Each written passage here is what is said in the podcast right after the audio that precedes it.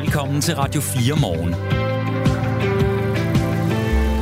En øh, mandag morgen midt i øh, sommerferien, og uanset om du øh, nyder den, altså din ferie, eller om du er på arbejde, eller på vej på arbejde, eller noget helt fjerde eller femte, så er jeg rigtig hjertelig velkommen indenfor, og øh, godmorgen.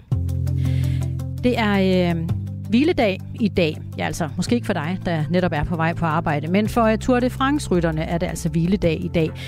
Og det havde øh, benene brug for efter to dage i alberne, og så øh, går det jo også løs med enkeltstart i morgen. En øh, enkeltstart, der kan gå hen og blive afgørende for klassemanget. klassementet. Så til dig, der allerede nu har abstinenser efter mere Tour de France, du skal nok få det her hos os her til morgen. En kort status på løbet, hvor vi er nået til indtil nu, når klokken er lidt over halv otte. Der er øh, større risiko ved at føde i øh, sommerperioden. Så lyder det fra Jordmorforeningen. Efter et øh, opslag på Facebook og Instagram er gået viralt en kvinde, der fortæller om en meget ulykkelig oplevelse på fødeafdelingen på Hvidovre Hospital tidligere i juli. En oplevelse, der endte med, at hun fødte et dødt barn. Overlæge og formand for Dansk Selskab for Obstetrik og Gynækologi er ikke enig i Jordmorforeningens betragtning, og øh, hende skal vi øh, tale med om øh, 20 minutters tid. Men først skal det handle om, om der nu øh, bliver brugt for mange penge og kræfter på at behandle døende patienter i øh, sundhedsvæsenet. Det var penge, som man måske kunne have brugt på noget andet, og øh, patienter, som kunne have haft et bedre forløb uden behandlingerne. Det kommer vi til at kigge på, og, og meget mere til. Du kan deltage på sms'en på nummeret 1424. Du griber bare mobiltelefonen, åbner en tekstbesked, skriver, hvad du har lyst til at dele med os andre, og sender det hele til 1424. Herinde i Radio 4 Morgen, der er det mig, der er hos dig frem til klokken 9, og øh, mit navn er Christina Ankerhus. Godmorgen. Du lytter til Radio 4 morgen. Hvis nu din øh, sidste tid var kommet, og du øh, vidste til det, hvad vil du så gerne bruge de sidste dage og uger og måneder på? At være sammen med din familie, eller måske at gennemgå en øh, række af scanninger, biopsier, kemobehandlinger eller andre undersøgelser. For øh, Katarina Helene Damsgaards 76-årige dødssyge mor, der var øh, svaret klart det første, nemlig at være sammen med familien. Men sådan gik det ikke. I stedet endte moren med at øh, bruge størstedelen af sine sidste seks uger, som øh, det familien kalder kastebold i sundhedsvæsenet, da hun øh, først meget sent i forløbet fik klar besked om, hvor fremskreden hendes kræftsygdom var. Det var et forløb, som datteren Katarina Helene Damgaard gerne havde set, at moren havde været for uden det optimale ville have været, hvis nogen havde, havde været ærlige og sat sig ned og taget den snak. Og ja, hun var blevet ked af det, men så har hun brugt sine kræfter på, på at, være, øh, at være tæt på, øh, på familie og venner og holde sine det, hun kaldte fester øh, den sidste tid, i stedet for at, at bruge sit krudt på og, øh, ja, at rende fra det ene til det andet og, og være usikker og frustreret og, og ked af det. Og af samme grund stod Katarina Eline Damgaard frem i Jyllandsposten i går med en kritik af forløbet. Hun mener, at det bør give anledning til en debat i samfundet om, om hvad der giver mening at bruge øh, tiden og kræfterne og pengene på den sidste tid, både for øh, patienternes skyld og for samfundets skyld. Al den der transport med min mor frem og tilbage, alle de der dyre, store undersøgelser, PET-scanning, øh, øh CT-scanninger en masse, og jeg ved ikke, hvad hun var igennem Tænk, hvis man kunne have brugt, det på patienter, som øh, står og venter på at skal i, øh, i behandling, hvor der rent faktisk er en chance for, at de kan få forlænget livet. Og den debat, som øh, Katarina her ønsker om, hvad vi bruger øh, pengene og øh, tiden og kræfterne på, tager vi nu sammen med dig, Michael Bæk. Velkommen til. Tak skal du have. Professor i sundhedsledelse og politik ved Syddansk Universitet. Historien, vi hører Katarina fortælle om sin, øh, sin mor, lyder det øh, genkendeligt i dine ører? Det er det nok desværre, at øh, vi er sådan, at vi øh, ved den sidste del af livet selvfølgelig hiver øh, blive ved med at have håbet om at leve. Og øh, det tænker jeg, at, at vi alle sammen skal blive ved med at bevare det håb. Øh, men vi skal måske også indimellem begynde at indse, hvornår det er, at det også øh, render ud og at det er den sidste del, kvaliteten af den sidste del af livet, som der er vigtigt, og ikke alene det at leve længe. Ja, for hvilke konsekvenser kan det have for den døende at bruge de, øh, den sidste tid på opslidende behandling og undersøgelser? Jeg tænker jo, at Katarinas historie er i virkeligheden en ret god beskrivelse af det. Altså, at øh, når man netop går til behandling, øh, og til det her, jeg vil kalde kurativ behandling, altså hvor man forsøger at prøve at kurere de sygdomme, som, øh, som man har, jamen så vil man skulle gå ret ofte. Man skal gå måske endda til et hospital, øh, som ligger langt væk, altså hvor man har transporttid, men ventetid, og man har den usikkerhed, der er også om, jamen, hvorvidt øh, virker den behandling, som man får. Øh, og det, der så sker i den sidste del af livet, det er, at nogle af de behandlingsord, vi kan give, jamen de har måske en mindre gevinst, øh, men der er også altid øh, bivirkninger ved øh, den type behandling, som vi så giver. Ifølge artiklen i Jyllandsposten, som jeg refererede til før, hvor øh, Katarina Elene Damgaard også stod frem, der, der står der, at vi bruger mere end 11 procent af de samlede sundhedsudgifter på øh, behandling og pleje i den aller sidste del af livet, altså de sidste 12 måneder. Og en øh, række analyser fra VIVE viser, at ældre borgere egentlig efterspørger flere og flere ydelser fra sundhedsvæsenet, og man kan også se, at de seneste 10 år er sundhedsudgifterne til de ældste, altså 65-90-årige, steget markant hurtigere og mere end udgifterne til den yngre del af befolkningen. Og faktisk der øh, bruger den ældste del af borgerne stort set alle de øh, ressourcer, som i samme periode er blevet tilført sundhedsvæsenet, viser analyserne.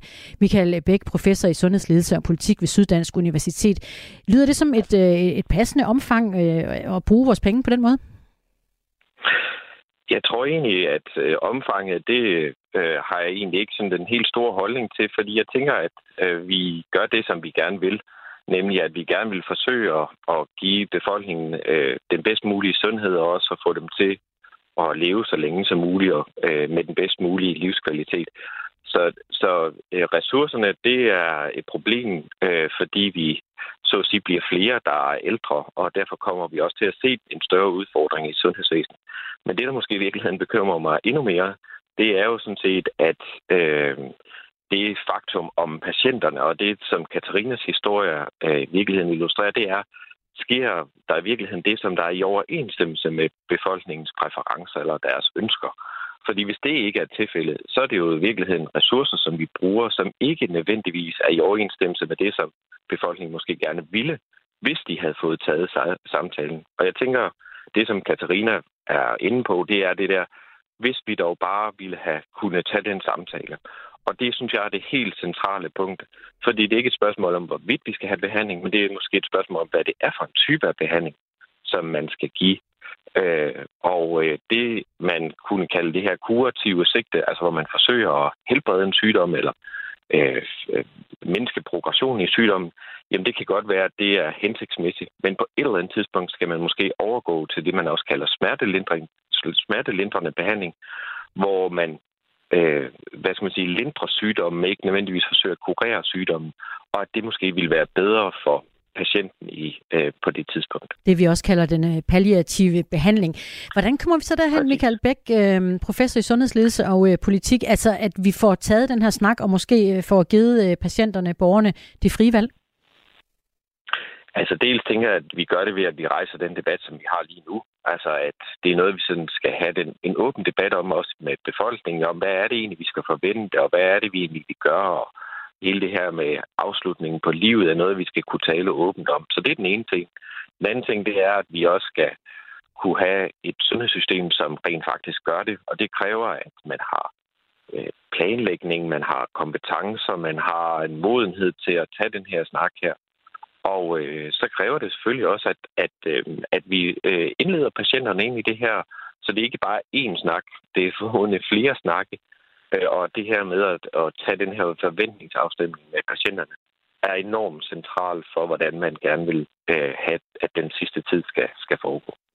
Det er Michael Bæk, der er med os professor i øh, sundhedsledelse og politik ved Syddansk Universitet, fordi vi øh, diskuterer, hvordan vi bruger vores øh, ressourcer den, den sidste tid af livet. Altså om vi måske samtidig skulle tage valget, at vi bliver smertelindret og får den palliative behandling frem for måske at blive ved med at forsøge at, at behandle en patient lige til det aller sidste. Vi skal tage snakken, siger du. Øh, så vidt så godt, men hvem skal tage hul på snakken? Altså hvem skal vi ligesom sige, du er den? Åh oh, ja, det tænker jeg synes det er et godt spørgsmål, men jeg tænker vi, egentlig, at vi alle sammen skal, og det er øh, sådan set både i brede offentlighed, det som vi har øh, gang i lige nu, men det er sådan set også politisk, øh, fordi en del af de ting, som øh, det her det kræver, det er, at vi laver lidt om på nogle af de ting, vi gør i vores system. Altså For eksempel er det jo ikke en kort snak, vi nødvendigvis skal have med en patient, så derfor, når vi nogle gange planlægger kontrolbesøg eller andre typer af besøg, konsultationer på et hospital, eller for den sags skyld hos en praktiserende læge, så kræver det måske lidt mere tid end den øh, enkelte tid. Og det kræver, at vi indretter et system, som også kan tage hånd om de her ting. Det kræver også, at, at personale faktisk har kompetence til at tage den her snak. Bare en almindelig snak. Det er også en øh, kvalificeret snak, hvor man netop tør tage nogle af de her øh, svære emner op. Og så er det jo også, at man øh, netop får indrettet øh, hele vores sundhedssystem til, at der faktisk også er adgang til øh, mere palliativ behandling, sådan at det både i, øh, på plejehjem, hjemmeplejen, i de praktiserende læger og selvfølgelig også den mere specialiserede del af det palliative øh, behandling, øh, er at der rent faktisk også er en tilgængelighed af den her form for behandling og af en, af en god kvalitet. Og det skal vi selvfølgelig sikre, og derfor også, at vi har også en politisk snak om, hvordan det er, at vi gerne vil øh, organisere vores sundhedssystem, og hvordan vi vil sikre adgang til den mere palliative behandling. Michael øh, Bæk, professor i sundhedsledelse og politik ved Syddansk Universitet, fik øh, kastet bolden i retning af politikerne. Tak fordi du var med. Selv tak. Radio 4 taler med Danmark. Tonen er øh, blevet hårdere ude i de øh, danske lufthavne. Der er trusler, der falder hyppigere ned over de mennesker, der tager imod vores bagage, blandt øh, andet når vi stempler ind på ferie. De er langt fra alene om det i Bilund Lufthavn, hvor vi lige om lidt skal høre fællestillidsrepræsentanten fortælle om, hvad de oplever der. For det er faktisk et generelt problem i hele landet, viser en ny rapport fra Arbejdstilsynet. Der er nu så mange trusler mod lufthavnspersonalet, at det det overgår de trusler, der øh, falder ned over fængselsbetjentene. Det er øh, blandt andet en øh, øgning af personlige tilsvininger, som personalet oplever. Det fortæller Henrik Puggaard Christensen, fælles tillidsrepræsentant i Bilund Lufthavn. Jeg oplever en skærpet retorik fra vores gæster. Tonen den er blevet mere rå og mere hård. Vi oplever det oftere, og så, så kommer det fra helt almindelige mennesker. Hvad er det, de, de siger til jer? Hvad gør de? Jamen, jeg vil jo næsten være ked af at ødelægge stemningen her for morgenen. kom bare med dem, vi kan tage det. altså sådan overordnet set, så øh, kommentaren de bliver mere personlige. Altså de går meget på udseendet og øh, manglende kompetencer. Øh, så kan de være sexistiske eller ja, racistiske. Øhm, ja. Og når du siger, Henrik Puggaard Christensen, helt almindelige mennesker, altså så er det sådan nogen som øh, dig og mig med feriekufferten under armen? Ja, det er, øh, det er det er unge mennesker, og det er, det er ældre. Det er manden i jakkesættet, og det er familiefaren, der står med sin familie. Hvordan oplever I det øh, over tid? Altså, er det blevet værre? Ja, det, det er det, vi oplever. Altså, øh, selvfølgelig så er langt de fleste, de, de kan godt finde ud af at opføre sig ordentligt. Men, øhm, men det er ligesom om, at det bliver øh, det er hyppigere. Øhm, tonen er rå, og, øh, og øh, ja, som sagt, vi oplever det oftere, end vi har gjort tidligere. Den uh, rapport, jeg øh, læner mig op af, det er en rapport fra Arbejdstilsynet, der viser, at uh, øh, 48 procent af alle danske passagerservice-medarbejdere på øh, uh, 12 måneder har været udsat for chikane fra uh, passagererne. 37 procent har i samme periode været truet med vold af passagererne, og dermed er det altså den arbejdsgruppe nu i landet, der hyppigst bliver udsat for trusler, og, uh, og altså for trusler om vold og chikane også, og det er i den grad, at, uh, at I nu er mere udsat end fængselsbetjentene. Det skriver HK's fagblad Blad, HK Privat Bladet. Hvorfor tror du øh, pludselig, I er blevet øh, så illeset? Jamen, jeg tror, folk generelt, de, øh, de kan være presset, når de kommer i, øh, i en lufthavn. Altså, hvis man er kommet lidt sent ud af døren om morgenen. Øhm, man øh, har måske ikke helt styr på nogle af de her komplicerede bagageregler. Øh, folk, de, øh, de sidder, sidder i kø til igen og er bange for, at de ikke kan nå deres fly. Så, øhm, så, øh, så kan de godt få en hård, en hård tone. Øh, og så er det altså den kollega, der går ud over. Men har vi ikke altid været stresset, når vi mødte op i en lufthavn? Hvad er det nye ved det? Det er et godt spørgsmål. Jeg tror bare generelt, så er, så er retorikken i samfundet blevet hårdere. Altså, vi, vi ser jo også, at, øh, øh, vi ser også historier, der kommer frem om, øh, om den her kollega, der sidder nede i, øh, nede i Netto, som også bliver overfaldet af, af kunder dernede. Øh, jeg synes, at øh, den uh, retorik, der kommer fra os politikere, også er, øh, er, er skærpet de seneste år, og de sociale medier har formodentlig også en, uh, en uh, indvirkning på, hvordan folk de taler til hinanden, tror jeg. Henrik Puggaard Christensen er med os, fælles tillidsrepræsentant i øh, Bilund Lufthavn. Der er kommet en sms fra Jesper, der skriver, kan det ikke også bare være, at man nu er blevet mere opmærksom på øh, problemet i forhold til før, så det ligesom virker værre nu? Jo, øhm, det tænker vi også, men øh, vi har jo øh, kollegaer, der har været der i mange år, og øh, de beretter i hvert fald om, at, øh, at øh, tendensen den er stigende øh, på det her, og, øh, og det bliver ligesom grovere. Altså vi har jo set det i mange år, men, men det, er, det er oftere.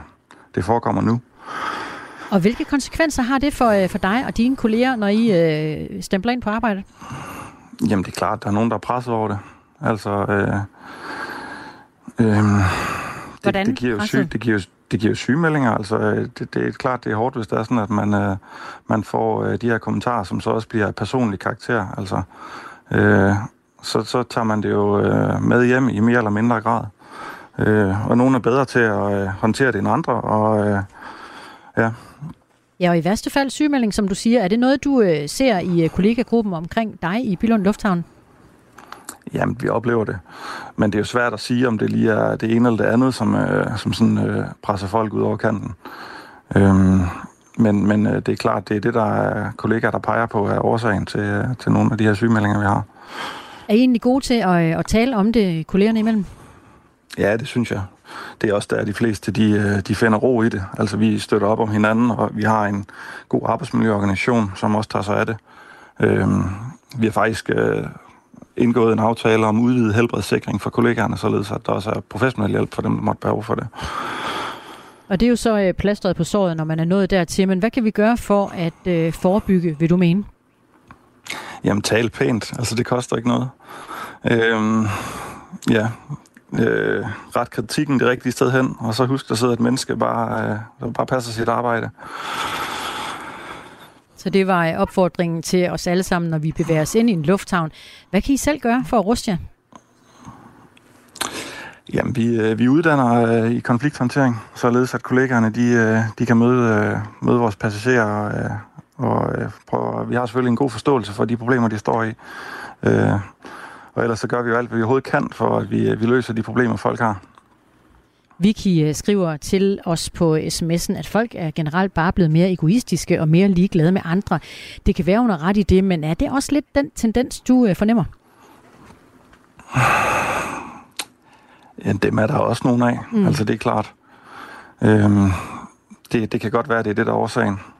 Men altså, heldigvis så er det jo, øh, det er jo de færreste, der, der opfører sig på den her måde, og langt de fleste, de er jo bare glade for at skal på ferie og komme ud og, og øh, ja, egentlig bare øh, glæder sig til at komme afsted.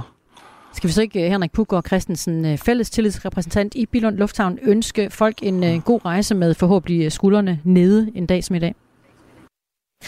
Det var Henrik Puggaard Christen, der var, Christensen, der var med os. Dit lav skriver på sms'en, er det måske bagagereglerne, der gør det?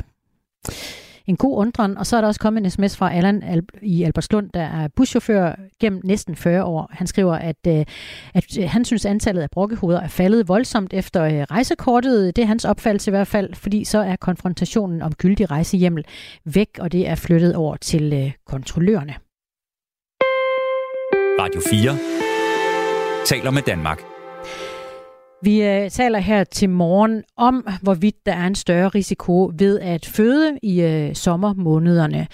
Det er øh, fordi, der er flere børn, der bliver født i juli og i august, samtidig med, at der bliver afholdt ferie blandt sygehuspersonalet. Så lyder det fra øh, Jordmorforeningen, som er jordmødernes fagforening det, det bliver svært at tage de rigtige beslutninger, hvis ikke at du har nok medarbejdere til at varetage den opgave, som, som øh, politikerne og vi alle sammen gerne vil have, vi giver borgerne i Danmark. Ikke? Og det, det er jo den situation, som man er i.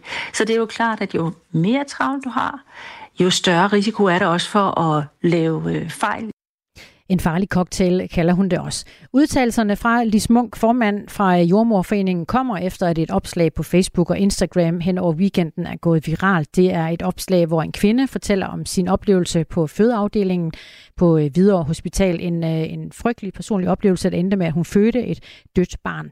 Kvinden og hendes mand var forbi hospitalet seks gange på fire døgn, og øh, på fjerde døgn konstaterede lærerne, at der ikke længere var hjertelyd hos barnet.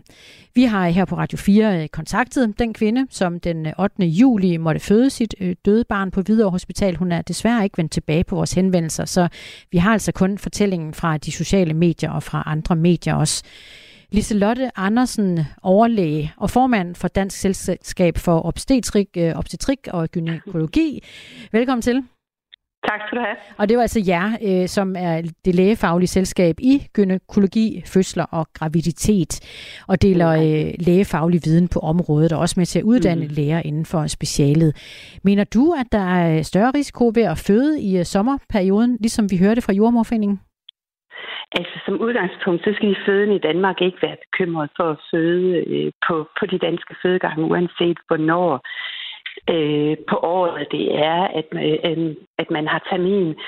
Det er rigtigt, at juni, juli og august er traditionelt en, øh, nogle perioder, hvor fødselstallet ligger højere, og, øh, og bemandingen på fødegangene er jo øh, presset øh, ind imellem. Men, men det vigtigste er, at man, man forsøger på de enkelte fødegange og, og holde nummeringen.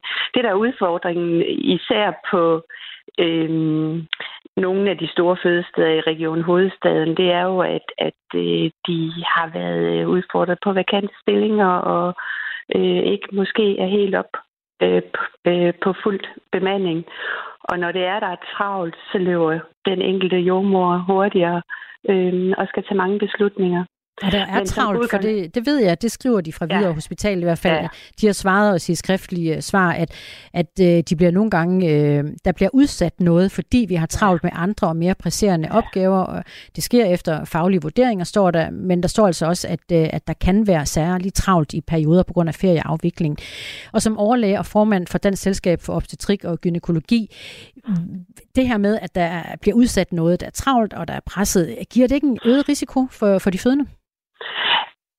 Der vil jo altid være en lægefaglig eller en jordmorfaglig vurdering øh, i den enkelte situation, når, når der skal øh, laves, laves øh, vurdering af, om, om øh, den fødende eller den hende, der bliver sat i gang, skal udsættes. Det er jo vigtigt. Der, der skal være en jordmor til den fødende. Øh, så, så i den enkelte situation laver man vurderingen øh,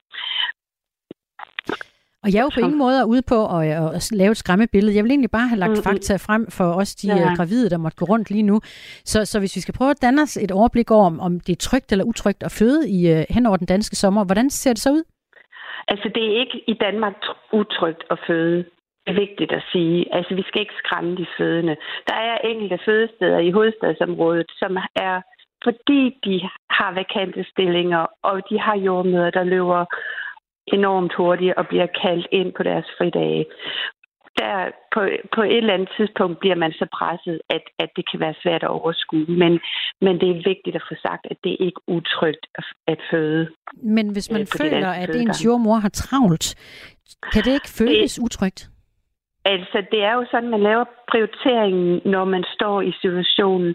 Og der, hvor det primært går ud over de fødende, det er jo i den kommunikation og den jordmoromsorg og lægefaglige omsorg, fordi man skal løbe videre til noget andet. Det er jo der, hvor man primært kommer til at, at, øh, at opleve det. Når det så er, der sker sådan en ulykkelig situation, det er jo ekstremt sjældent, det sker, øh, så er det jo vigtigt, at man, man får kigget forløbet igennem, og man kan sige, øh, det er jo trist, at der skal, der skal sådan en ulykkelig episode til, for at der igen, nu ved jeg, at der kommer meget politisk fokus på det i hovedstadsområdet, men, men det er jo sådan, at der har været råbt op om det, om travlheden på de, øhm, på de store fødesteder i hovedstadsområdet igennem flere år.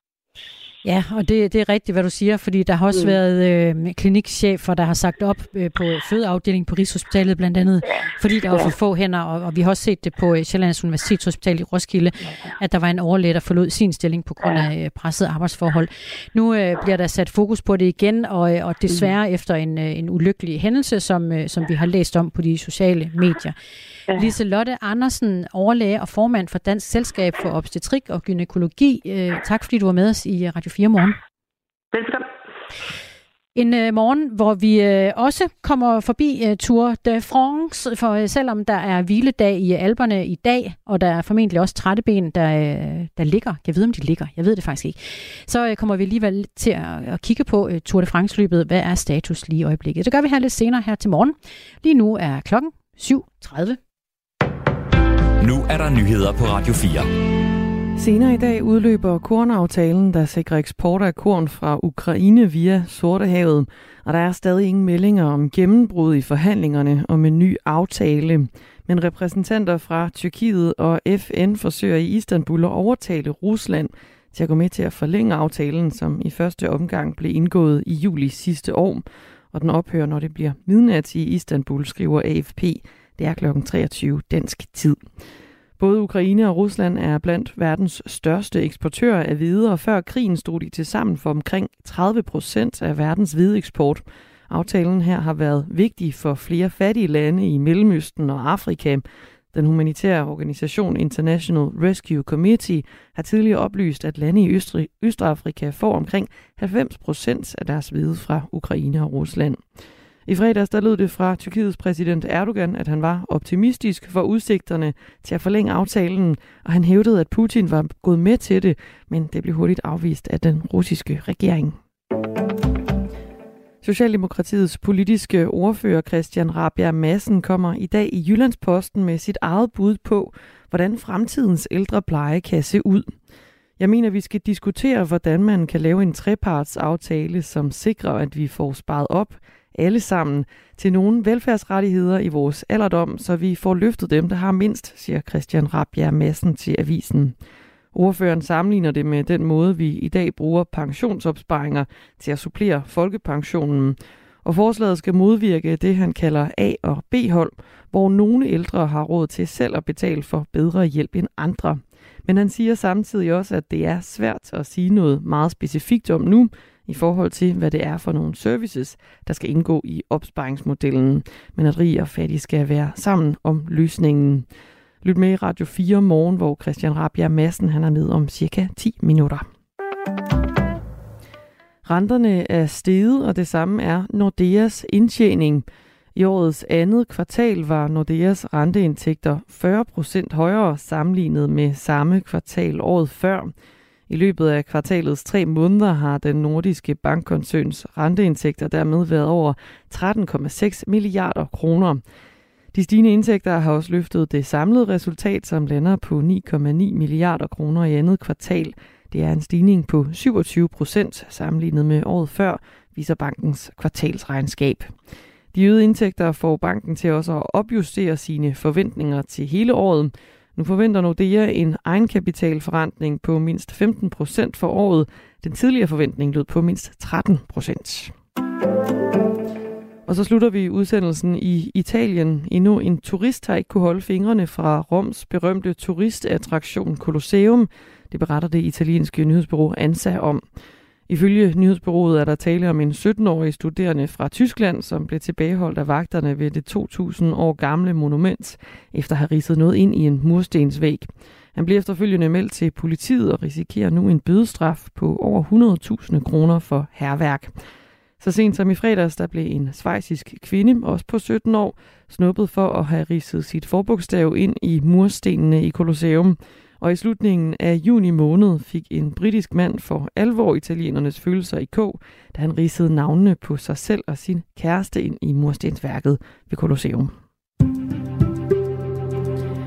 Vi ser frem mod en dag, der byder på lidt eller nogen sol, men også spredte byer, som stedvist kan blive kraftige og med torden.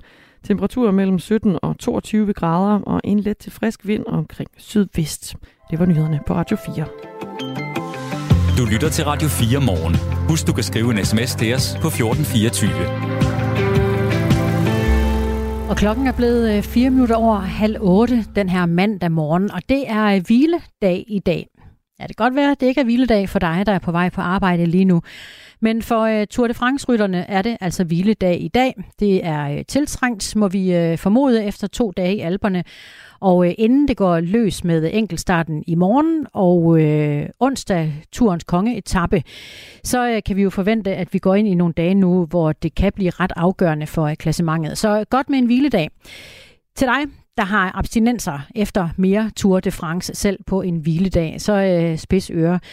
Lasse Føge, velkommen til. Mange tak. BT's sportskommentator med fra Frankrig. Efter øh, weekendens strabasser, der fører Jonas Vingegaard jo øh, fortsat Tour de France. Han øh, har øh, 10 sekunder til øh, sloveneren øh, Gatra. Ud fra det, vi har set indtil videre, hvad er der i vente de næste dage? Øh, jamen, der er jo øh, det, man kan kalde for en, øh, en helt historisk afslutning på Tour de France i vente. Aldrig før har to ryttere med en uge tilbage af det her løb ligget så tæt. Altså, der har før været en afgørelse på 8 sekunder, men den kom øh, først, øh, altså det, det lille, den lille marken kom først øh, til aller, aller sidst i løbet. Øh, men en uge før, at Tour de France slutter, 10 sekunder, det har vi ikke set før. Og det var også helt vildt, som det øh, sluttede etappen i går, hvor de jo, altså, han forsøgte at stikke af på Gatra. Det lykkedes jo overhovedet ikke. Han virkede øh, ovenpå Vingegaard. Er det også sådan, du ser ham? Ja, jeg synes også, at de her sidste to dage i alberne, de har, øh, altså ligesom momentum i det her løb er skiftet fra, at Vingegaard, han har været på hælene og ikke har kunne øh, besvare øh, Pogacars øh, angreb, øh, i hvert fald ikke med det samme, så han så med hans sejhed helt ham ind igen. Men øh, Pogacar, han kunne, ikke, øh, han kunne ikke slå et hul til, til Vingegaard øh, søndag. Det var nærmest som om, de kørte tandem op ad det sidste bjerg.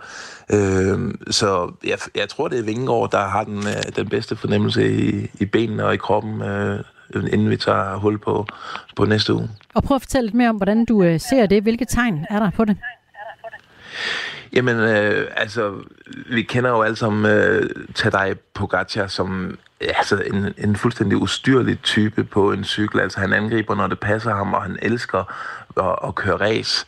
Det er ligesom, at Vingegaard, han har fået pillet den her angrebsløst ud af, ud af Pogacar, og, og der kom kun et angreb øh, på søndagens etape, hvor man havde forventet, at Pogacar, han ville, han ville øh, sætte en, en række angreb ind, og Vingegaard, han fik øh, ham neutraliseret. Han har ligesom pillet cykel cykellysten og angrebslysten ud af Pogacar, og det må man sige, det er ret imponerende. Og så ligner det jo et, øh, et løb, der kun handler om de to i virkeligheden. Vi har på øh, tredjepladsen den øh, 22-årige spanier, øh, Carlos og øh, Riches, som er altså mere end fem minutter efter Vingegaard. Hvorfor er det, at, øh, at netop de to i toppen gør det så godt i forhold til alle de andre? Det er ikke nogen overraskelse, fordi de seneste to år har vi set akkurat samme billede, altså at der ikke er, øh, altså at der er to løb i løbet, altså der er Vingegaard på Gacha, og så er der alle de andre, og de er jo bare, øh, altså øh, jeg, jeg skal ikke kunne sige, hvad der, hvorfor det er, de lige præcis er så meget bedre end de andre. Det kan være genetisk, øh, det kan også være, at, at de øh, bare begge to fokuserer så meget på det her Tour de France øh, i forhold til de andre. Altså, det gør det ikke, fordi jeg ved, at Pogacar han også fokuserer på alle andre løb hele sæsonen. Men, men det er ikke nogen overraskelse. Det er de to bedste til at køre op ad et bjerg i, i verden, og det er også måske de to bedste, vi har set nogensinde køre op ad bjerge. Øh, især af franske bjerge, så det er ikke nogen overraskelse, at løbet har udviklet sig sådan, som det har gjort. Og så bliver det øh, historisk, de ligger historisk tæt, og det bliver nogle øh, vilde dage, vi øh, har tilbage. Hvad forventer du sådan lige af de næste dage, altså enkeltstart i morgen, først og fremmest? Jamen, øh, der, altså, hvis vi kigger på det historisk set, så er Vingegaard måske lige en lille tak bedre end Pogacar til at køre enkeltstart. Øh, øh så, øh, så, så der kan man godt have nogle forventninger. Og så er der jo den vilde etape på onsdag til, til Col de Los, øh, som jo i princippet også, altså den er så benhård. Der er så mange stigninger, og hårde stigninger undervejs. Det er noget, vi har set Vingegaard øh, boldre sig i sådan en terræn der tidligere. Øh, og det var også sådan, at han to gange sidste sommer fik øh, ram på Pogacar. Altså, altså, som med danske briller på, så kan man altså godt tillade sig at være lidt øh, optimistisk, men så skal man omvendt huske, at Pogacar er øh, en, et fænomen, og han har tidligere øh, skrællet den gule trøje af øh, Primoz Roglic på næst sidste øh, dag af Tour de France i, ved en enkelt start, hvor ingen havde spået ham nogen chancer. Så man skal aldrig nogensinde føle sig sikker, når det er ham sloveneren, man har med at gøre. Det er øh, BT's sportskommentator, der er med os i Radio 4 morgen fra øh, Frankrig, Lasse Føge. Og en ting er, hvad vi andre kan følge med og se på skærmen og tro, at vi ser et vis form for overskud hos øh, Vingegård. Hvad ser du, som er øh, så tæt på? Jamen, jeg synes også, at jeg har set her de seneste par dage, at Vingegaard, han, øh, altså, han har sænket skuldrene lidt. Altså, jeg tror, han er rigtig glad for udviklingen her, og det mærker man på ham til, til de her pressemøder. Altså, vi har, vi har haft vores hyre med at få ham til nærmest at sige noget til de her pressemøder, og det har været meget... Øh, altså, vi har næsten ikke fået noget ud af ham. Men øh, de seneste par dage her, der har han... Øh, altså, i går fik han jo for eksempel et spørgsmål om, kan vi stole på jer? Altså, det er jo vildt, det der foregår, og vi kender cyklingens historik med doping og sådan noget. Kan vi stole på, at I er rene? Og der, der svarede han flot og øh, uddybende og, øh, og reflekteret over den, øh, det spørgsmål der. Øh, og det tolker jeg som et, et tegn på, at overskuddet hos Vingegaard er, øh, er ved at være tilbage, og han har også øh, ligesom trådt i karakter som feltets leder øh, og været ude med en opsang til, til tilskuere, der ikke kan finde ud af at holde afstand til de her rytter, når de kommer cyklerne. Og, og det, er ikke, øh, det er ikke hverdagskost for Jonas Vingegaard og, og sådan at skille lidt ud. Så det, jeg tolker det som et godt tegn. Når vi øh, skal følge øh, Col de Los, altså det store øh, kongeetappen der, hvad skal vi holde øje med? Vi skal holde øje med ham i hvidt og ham i gult.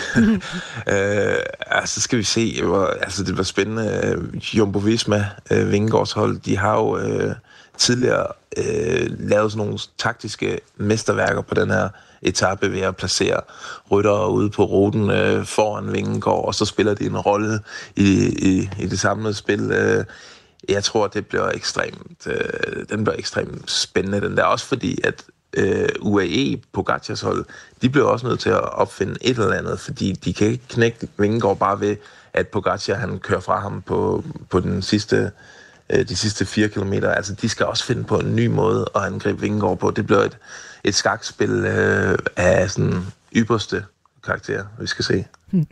Jeg elsker det ypperste. Lasse Føge, BT Sportskommentator, med fra øh, Frankrig, og øh, tak for det. Ja, det var så lidt. Hvis jeg siger venstre, hvad siger du så? Krise. Thomas Larsen, hvad siger du? Sygemeldt. Selvom Folketinget er gået på sommerferie, er vi på Radio 4 klar til at tage temperaturen på, hvordan det egentlig står til i de 12 folketingspartier. Parti for parti over hele sommeren.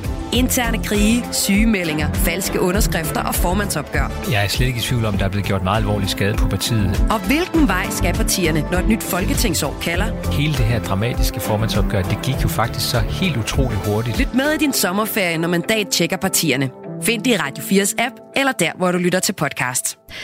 Og nu øh, skal vi simpelthen have foldet ud, hvad det er, Socialdemokraterne egentlig mener i et interview, øh, som øh, Christian Rabia Madsen han har øh, givet til Jyllandsposten.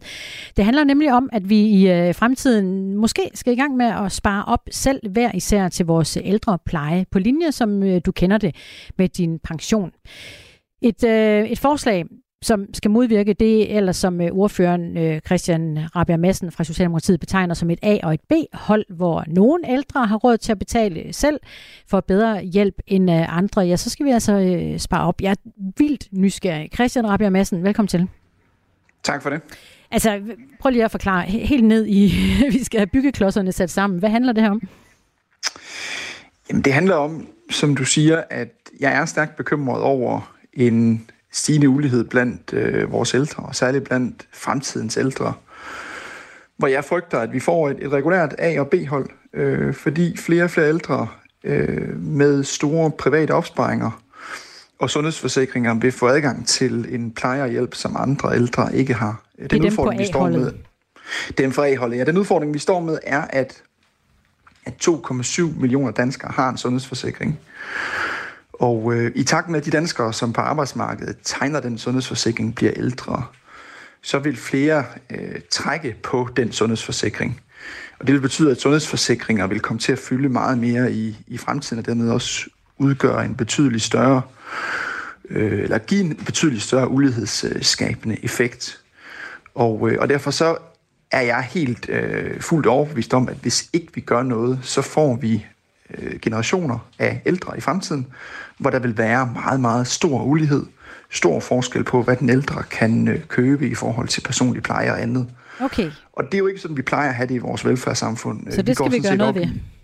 I, ja, vi går op i, at, at, øh, at de bredeste skuldre skal bære de, de, de tungeste byrder. Og udfordringen med de her sundhedsforsikringer er jo, at man, at man forsikrer sig skævt, om man så må sige. Altså, de, mange af dem er tegnet i øh, pensions, arbejdsmarkedspensionskasser.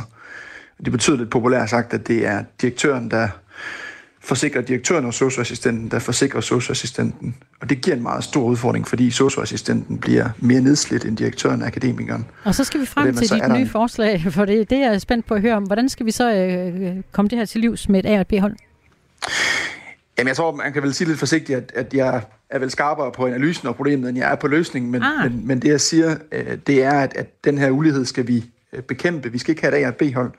Og jeg, og jeg foreslår, at man tager en drøftelse øh, i en, en trepartsinstitution, øh, for at se, om man ikke kan lære noget af, fælleserklæringen fra, fra, fra 87, hvor man også prøvede at løse nogle af de store udfordringer. Og, og det, jeg foreslår, det er, at, at man får startet øh, en form for opsparing, sådan som man på tværs af øh, faggrupper og indkomstgrupper får lagt noget til side af, af fremtidige lønstigninger, sådan så øh, flere og alle gerne i deres alderdom øh, har noget mere at, at gøre godt med. Godt. Christian Rabia Madsen, jeg skal lige høre først, hvem er det, den der trepartsforhandling? Hvem er det, der skal forhandle om det?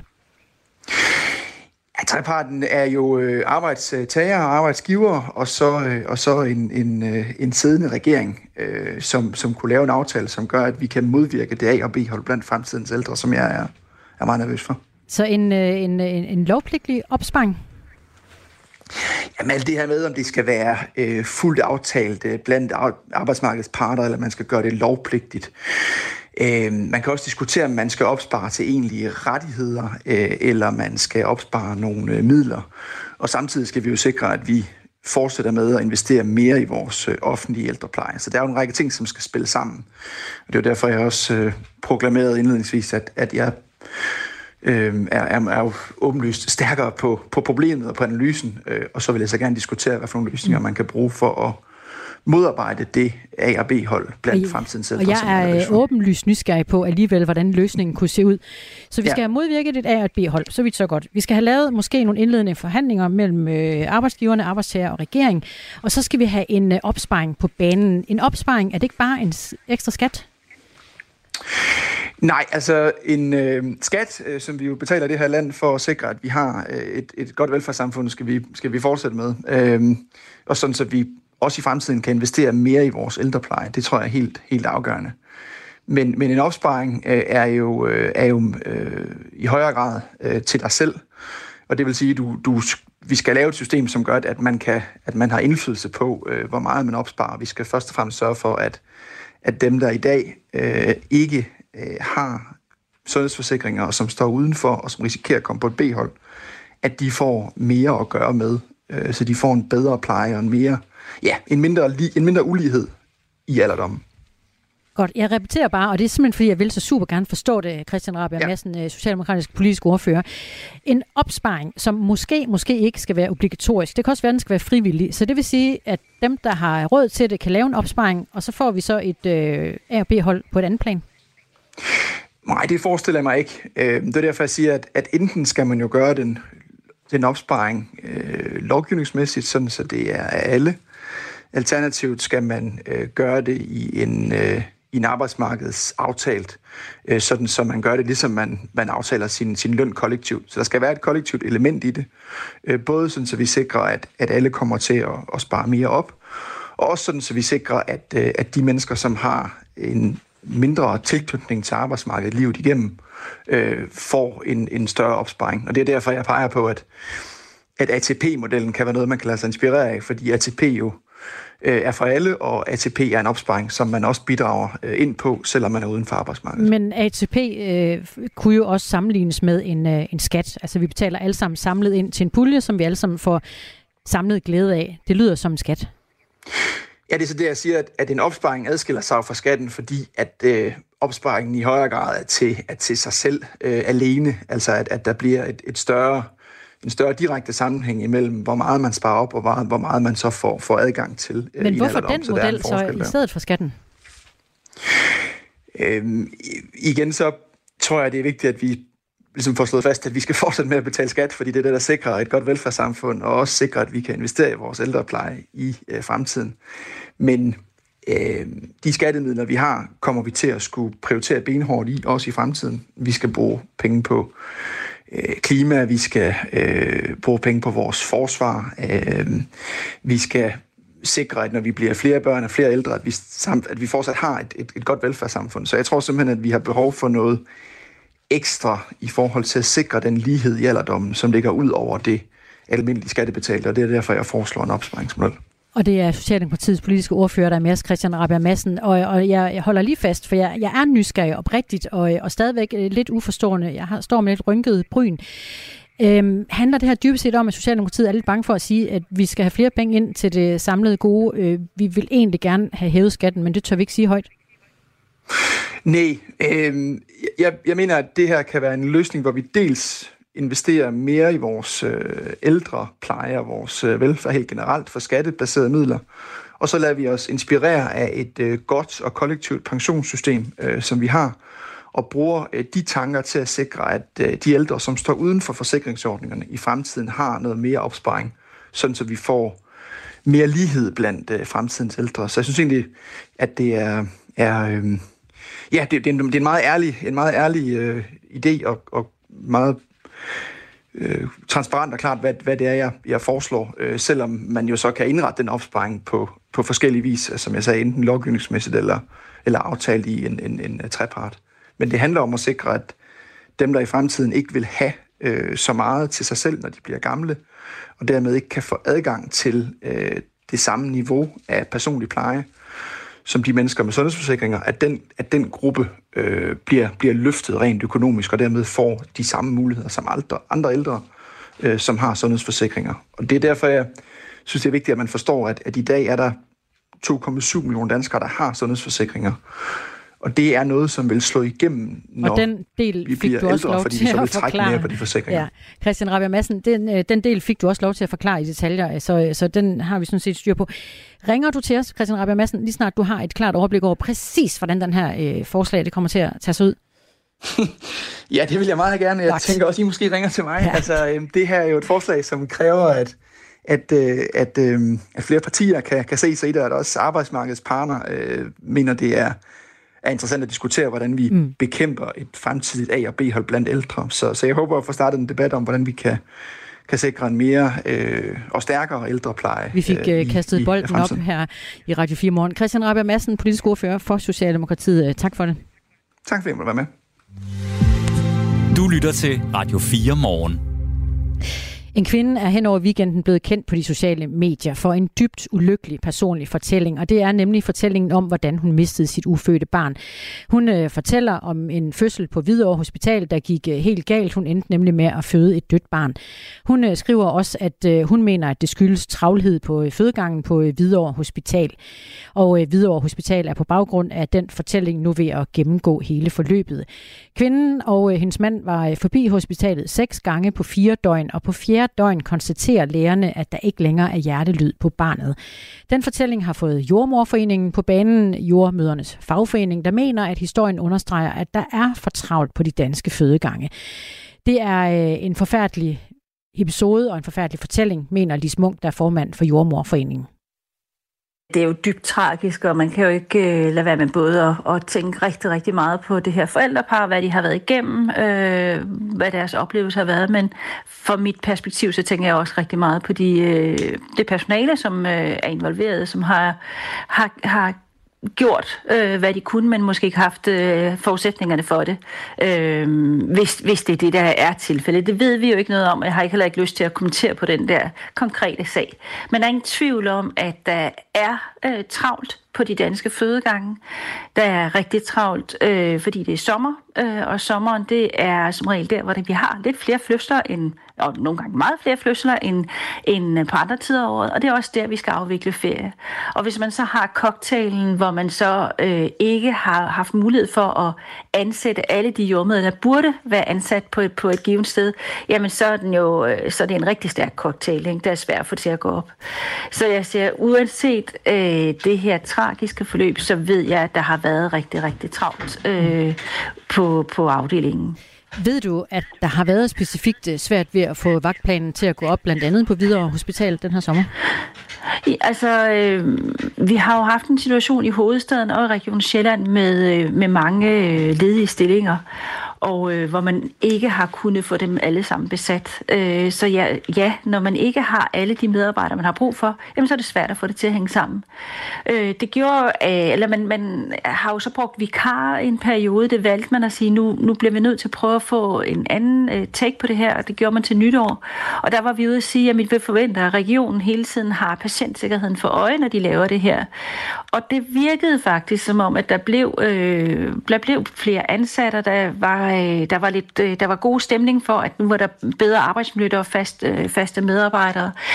Men det gjorde, de, det, det kunne de få til at hænge sammen, fordi at man kunne give medarbejderne det, der hedder øh, altså frivillig ekstra arbejde, ekstra betaling, hvis man arbejder ekstra. Men der er jo begrænset, hvor meget man kan arbejde ekstra, hvis man arbejder fuldtid. Øh, og det, øh, det valgte man så også for regionen og, øh, og, og udfordre igen til april, at nu tog man også den bid væk. Så hvis du stadigvæk ikke har nok medarbejdere ikke det antal medarbejdere, du burde have, jamen så bliver det svært at få til at hænge sammen. Og hvis det så ovenikøbet er sommerperiode, og der er også nogen, der trænger til at holde ferie. Lis Munk, formand for Jordmorforeningen, er med os her i øh, Radio 4 morgen, fordi en øh, kvinde er gået øh, viralt med en fortælling her hen over weekenden, en fortælling om, hvordan hun mistede sit ufødte barn tidligere i juli. Vi ved ikke, som du også understreger, Lis Munk, om det lige præcis i det her øh, skrækkelige tilfælde skyldes travlhed, men det mener kvinden selv. Kan du øh, se, at der kan være en kobling mellem sommertravlhed og så netop en, en så ulykkelig frygtelig hændelse, som vi hører om her? Altså det er jo sådan, at øh, fødsler øh, kræver jo, at man er nærværende. Altså øh, øh, grundlæggende, grundlæggende så, er det, øh, så er det sikkert at føde børn i Danmark. Vi er sunde og raske, vi har et godt sundhedsvæsen. Men øh, fødsler, det er jo øh, det er noget, der foregår akut. Vi kan ikke planlægge det, øh, så derfor så bliver vi nødt til at kunne være der og være nok med, med personale. Og hvis det er, at du, øh, du står i en situation, hvor du faktisk måske har... Øh, 10 kvinder, der har brug for en jordmor, men du har måske kun 6, jamen så bliver du nødt til at prioritere, hvem er det, der har mest brug for det. Og det er jo det, der er den rigtig, rigtig svære øvelse. Øh, så så øh, ja, det, det bliver svært at tage de rigtige beslutninger, hvis ikke at du har nok medarbejdere til at varetage den opgave, som, som øh, politikerne, og vi alle sammen gerne vil have, vi giver borgerne i Danmark. Ikke? Og det, det er jo den situation, som man er i. Så det er jo klart, at jo mere travlt du har, jo større risiko er der også for at lave øh, fejl. Jeg siger ikke, der er lavet fejl her, men der er større risiko for at lave fejl, hvis du har travlt. Det er der ingen tvivl om. Lis Munk, formand for Jordmorforeningen. Er det trygt at føde også om sommeren i Danmark? Øh, altså nu er der jo andre steder end, end hovedstaden, ikke? Altså kan man sige, men, men det er helt klart, at der hvor der er øh, vakante stillinger, ledige stillinger, og man skal have sommerferien tænkt sammen, jamen så er, det, øh, så er der mere travlt. Jeg tror, at langt de fleste fødende vil opleve, at når de kommer ind og ser det fra deres perspektiv, jamen så har møder de en jordmor, som er der for dem. Måske ikke hele, hele, hele den tid, som de ønskede, at de skulle, der skulle være en jommer for dem. Men, men, øh, men fra jommerens side, så kan vi godt se, at her har vi ikke været der i, i et optimalt omfang, og at vi, vi går på kompromis, fordi man springer fra den ene til den anden, så for at, at den enkelte fødende skal have den bedste øh, omsorg og behandling som muligt. Så det er igen jordmøderne, som går på kompromis for at, at give øh, de fødende den bedste øh, omsorg. Ikke? Så det, øh, jeg, jeg håber, øh, og vil, vil presse på for regionen, ikke bare kigger på den her enkelte sag, men ser på sommeren som helhed. Og jeg vil virkelig presse på for, at det her, det skal vi lære af. Vi skal ikke lære, altså vi skal ikke kun, vi skal ikke derud, hvor vi er i tvivl om, om, vi, om den enkelte bliver behandlet godt nok. Altså vi skal, være, vi, skal, vi skal kigge på det her allerede tidligt i foråret. Hvordan kommer for, sommeren til at se ud? Hvad kan vi gøre, for at vi ikke skal handle, når vi allerede ligger ned? Ikke? Altså mm. øh, det her med, at man suspenderer vikarstoppet, jamen det er jo den yderste nødløsning, som man, man gør her, fordi man bliver så presset det kunne være, at man skulle have set på det anderledes øh, helt i foråret. Ikke? Så det, det håber jeg, at regionen ikke hiver sig fast øh, i den her enkelte situation og, og forholder sig til den, men forholder sig til den, det store billede. Så ja, og, og så bare lige for at vende tilbage til Hvidovre Hospital, som ikke har ville stille til interview her. Og vil du mene, Lis Munk, at det øh, der er trygt at føde i de her uger? Jeg vil tro, at ja, altså det er jo, det er jo trygt for, det er jo, ja, ja, ja, det er trygt at føde, men, men det er ikke op, så optimalt, som vi kunne gøre det. Altså, øh, det, det vil jeg sige. Altså, da, når man mangler så mange medarbejdere, og selvom man så får ekstra ind, jamen så vil den enkelte nok opleve, at det er, øh, det er øh, jeg, jeg, blev, jeg blev set og hørt i hvert fald øh, et godt omfang. Men jeg vil sige, at øh, jordmøderne, jordmøderne løber rigtig, rigtig mm. stærkt for at gøre det. Og så lød det fra Lis Munk, der er formand for Jordmorforeningen. Vi har også på Radio 4 øh, kontaktet den kvinde, det hele handler om, der fødte sit døde barn på Hvidovre Hospital. Hun er ikke vendt tilbage på vores henvendelser. Klokken er 8. Du har lyttet til en podcast fra Radio 4. Flere episoder i vores app, eller der, hvor du lytter til podcast. Radio 4 taler med Danmark.